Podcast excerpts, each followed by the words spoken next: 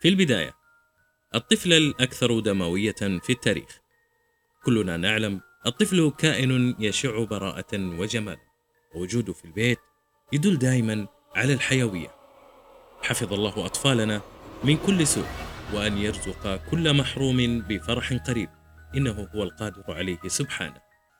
ولكن بعض الأطفال للأسف نزعت عنهم البراءة بسبب الوالدين يعاملونهم مثل الحيوانات أجلكم الله. وفي منهم يعاملونهم أسوأ من كذا مثل قصة اليوم. في البداية أعزائي متابعين قناة القهوة السوداء حسابي أقدم فيه قصصا مختلفة باستمرار. وأرجو من الله قضاء وقت ممتع في الاستماع ودعمكم المستمر ومتابعتكم شرف عظيم جدا. فأهلا وسهلا بالجميع. مولودة اسمها ماري بيل ولدت في سنة 1957 ميلادي في بريطانيا.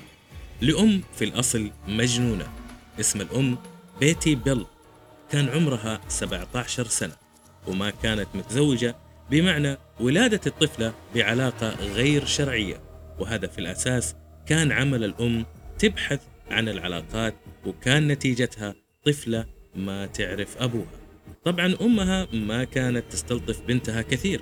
وحاولت تتخلص منها بأي وسيلة كانت حتى إنها حاولت تتركها في مرة من المرات لامرأة فقط لأنها قابلتها في الشارع.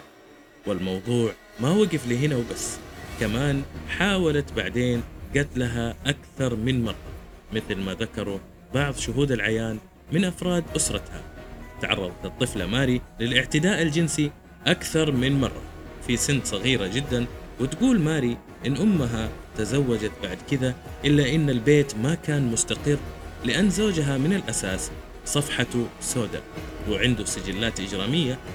ماري كانت مصابة بمشاكل صحية بسبب سوء حالتها. عانت مشكلة التبول اللا إرادي أكرمكم الله. حتى لما صار عمرها عشر سنوات إلا أنه ما زالت تبلل فراشها وكانت أمها وقتها تمسكها من رقبتها وتمارس عليها أبشع صور العنف. ومرة من المرات أخذت الأم فراش بنتها وعلقته خارج البيت وكان متسخ. كل هذا علشان يضحكون عليها باقي الأطفال.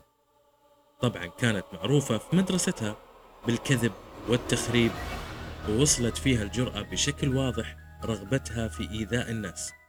في مايو سنة 1968 ميلادي قامت مع صديقتها نورما بدفع طفل عمره ثلاث سنوات. من فوق سطح واحد من الملاجئ وللأسف تم اعتبار اللي حصل حادث عرض. واليوم اللي بعده ثلاثة أمهات أتقدموا ببلاغ للشرطة وكان مضمون بلاغ الأمهات بأن ماري هاجمت بناتهم الصغار وكمان خنقتهم وقتها الشرطة. فتحت تحقيق مع ماري لكن ما كان في أي تهمة موجهة بشكل مباشر. بعدها بكم يوم عثروا طفلين على جثة طفل اسمه مارتن داخل بيت مهجور والطفل هذا مات مخنوق لأن ماري أخذته على بيت مهجور وخنقته وقتلته. الغريب في الموضوع إنه كمان الشرطة اعتبرت موت مارتن حادث.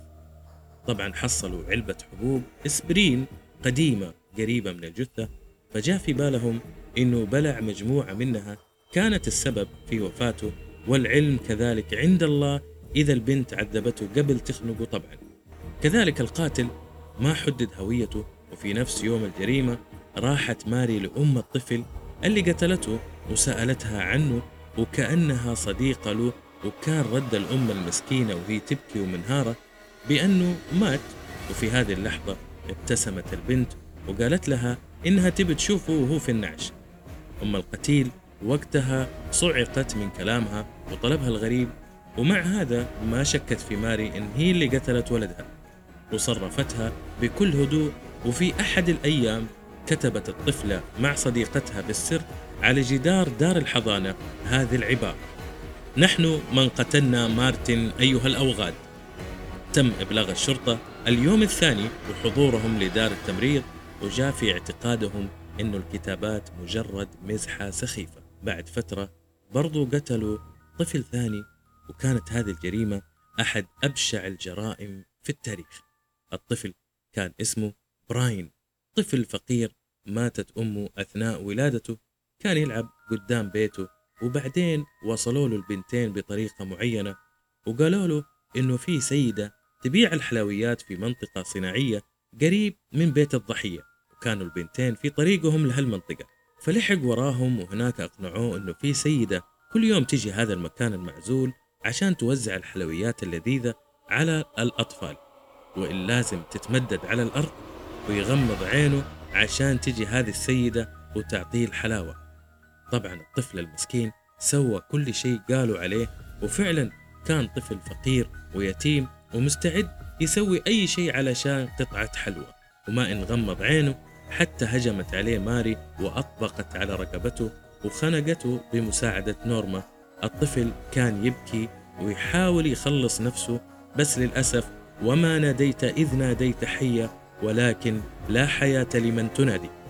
طبعا ماري ضغطت بقوة حتى صار شاحب اللون ولون شفته أتحولت إلى اللون الأزرق وفاضت روحه.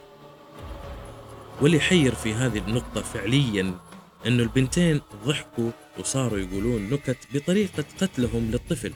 طبعا تركوه جثة ورا مجموعة من الصخور وهم راجعين في الطريق شافوا أخت اللي قتلوه قبل شوية قلقانة ومتوترة على طول ماري راحت لها وسألت تدرين عن أخوك براين وين مكانه؟ قالت المفروض إنه يكون في البيت في هذا الوقت. وقالت هو غالبا يلعب قريب من البيت. قالت ماري ممكن يكون ورا الصخور هذه أو بينها. طبعا فورا نفت أنه أخوها ممكن يلعب في هذا المكان وتركتهم ومشيت. طبعا البنتين رجعوا بيوتهم لكن ما طولوا. بعد فترة بسيطة قرروا يرجعون لجثة براين هذه المرة ومعاهم مقص وموس حلاقة. ولما وصلوا لقوا إن الطفل على نفس الوضعية اللي تركوه عليها. بدأوا يقطعون جزء من أعضائه التناسلية وقصوا خصلات من فروة الشعب. وكمان سووا حرف ام على بطنه بالموس. وهربوا لما لاحظوا إنه في شخص كان قريب من الموقع. في نفس اليوم هذا مساء لقت الشرطة الجثة وكان المنظر مغطى بالعشب وكان جنبه مقص. بعد الفحص الطبي أخيرا أقروا إن الفاعل طفل عشان قوة الخنق الضئيلة ومن هذا الباب جمعوا الأطفال اللي أعمارهم بين 10 إلى 15 سنة في المدينة عشان يحققون مع ماري. حاولت تضليل المحققين قالت إنها شافت ولد قريب في الحي عمره ثمان سنوات. وهو يضرب براين لكن الولد اللي ذكرته في التحقيق أساسا ما كان في المدينة. بدأت الشرطة تشك في ماري ونورما. كان طبعا صعب جدا إن الواحد يصدق أن الطفلتين بهذا العمر يمكن يسوون هذا كله من الجرائم البشعة. وزاد شكهم أكثر أثناء مراسم جنازة الطفل. كانوا مبسوطين وفرحين جدا وهم يطلعون الجثة علشان كذا قامت الشرطة باستجوابهم وفي أثناء الاستجواب كانت البنتين كل واحدة منهم تلوم الثانية وقالت نورما إن ماري هي اللي قتلت الطفل وكانت هي تتفرج بس في النهاية وقفت ماري تلوم صديقتها وأقرت واعترفت بأنها هي القاتلة وبالرغم من إنها طفلة إلا إنها فعليا ما بكت أثناء التحقيق والاستجواب. أما صديقتها كانت غارقة في دموعها وما وقفت عن لوم ماري حتى طلوعها براءة. وحصلت على تعاطف المحلفين والحضور وأدينت ماري بالقتل مع مسؤولية محدودة عن أفعالها. كونها طفلة تم تشخيص حالتها بأنها طفلة سيكوباتية معادية للمجتمع. الشخصية السيكوباتية. اليوم بإذن الله تعالى حنتكلم عن السيكوباتية أو ما يعرف بالاعتلال النفسي أو الشخص المعتل نفسيا. السيكوباتية باختصار هو مرض عقلي. يكون صاحبه عديم المشاعر عديم الأحاسيس. ما يملك المشاعر وما يملك الأحاسيس. وال وال وال والسيكوباتي أو المرض السيكوباتي يعتبر من أخطر الأمراض العقلية اللي يمكن إنها تصيب الإنسان ويكون صاحب شخصية شاذة وصاحب سلوكيات مخيفة وأخلاقيات مرعبة. ال ال الإنسان المعتل نفسي، الإنسان السيكوباتي دائما يكون يعني آه، يتظاهر خلينا نقول يتظاهر بأنه إنسان عاقل آه، إنسان حكيم يتظاهر بأنه يعني آه، دائما صاحب قدرة كبيرة على التأثير بالآخرين عنده أسلوب خطير في التلاعب في أفكار الناس اللي أمامه. هو يجيد ويتقن فن التلاعب بالأطراف اللي أمامه. الإنسان السيكوباتي الإنسان المعتل آه، نفسيا آه، الأمر خطير جدا. يعني خطورة السيكوباتي إنه دائما يتلذذ يشعر بلذة عندما يلحق الأذى بالضحايا. يعني يشعر بلذة عجيبة لما يعني يوقع الأذى والألم على الضحايا الضعيفة. آه، اللي تحته. غير الأشخاص اللي ممكن يحصل منهم الخطأ وكلنا يقع مننا هذا الخطأ. يعني غير الإنسان الطبيعي اللي آه، يقع منه الخطأ لحظة الغضب. لكن بعد ما ينتهي الفعل يشعر بالندم ويشعر بالألم. هذا الإنسان الطبيعي ممكن يغضب لكن بعد ما يغضب يشعر بالألم يشعر بالندم. السيكوباتي يفعل الخطأ من أجل اللذة يعني يؤذي الآخرين من أجل اللذة. هو يقتل والعياذ بالله من أجل لذة القتل يعني يغتصب يسرق يؤذي الضحية من أجل اللذة واللذة فقط. وهذه هي خطورة الإنسان آه، السيكوباتي. آه، السيكوباتي أو المعتل نفسي إنسان كلامه عذب. إنسان يعطيك وعود ولكنه ما يفي بأي شيء من هذه الوعود. آه السيكوباتي أو المعتل نفسيا آه لما تقابله المقابلة الأولى تبهرك شخصيته يبهرك آه، لطفه آه، تبهرك مرونته آه، تشعر أنه إنسان لطيف أنه إنسان مرن. الشخصية للسيكوباتي تأسرك. تبهرك. لكن في حقيقة الأمر أنت جالس تنظر إلى وحش في صورة إنسان. هذه من خطورة المعتل نفسيا. هذه من خطورة السيكوباتي. من قناة إنسان. شكرا أستاذ ممدوح الحربي. تم سجنها 12 سنة إلى عام 1982 ميلادي. وأعطوها هوية جديدة عشان ما حد يعرف ماضيها وكمان إعادة برمجتها مع المجتمع من جديد. وبعد أربع سنوات أصبحت ماري أم.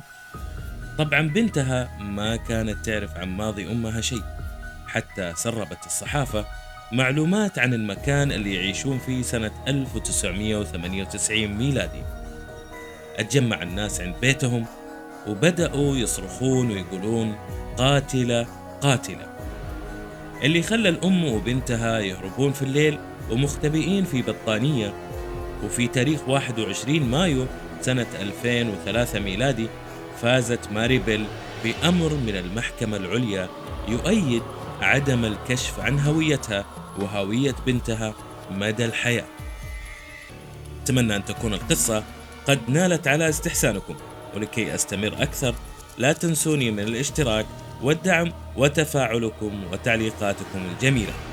كان معكم صالح بن عبد الله من قناة بودكاست بلاك كافي القهوة السوداء.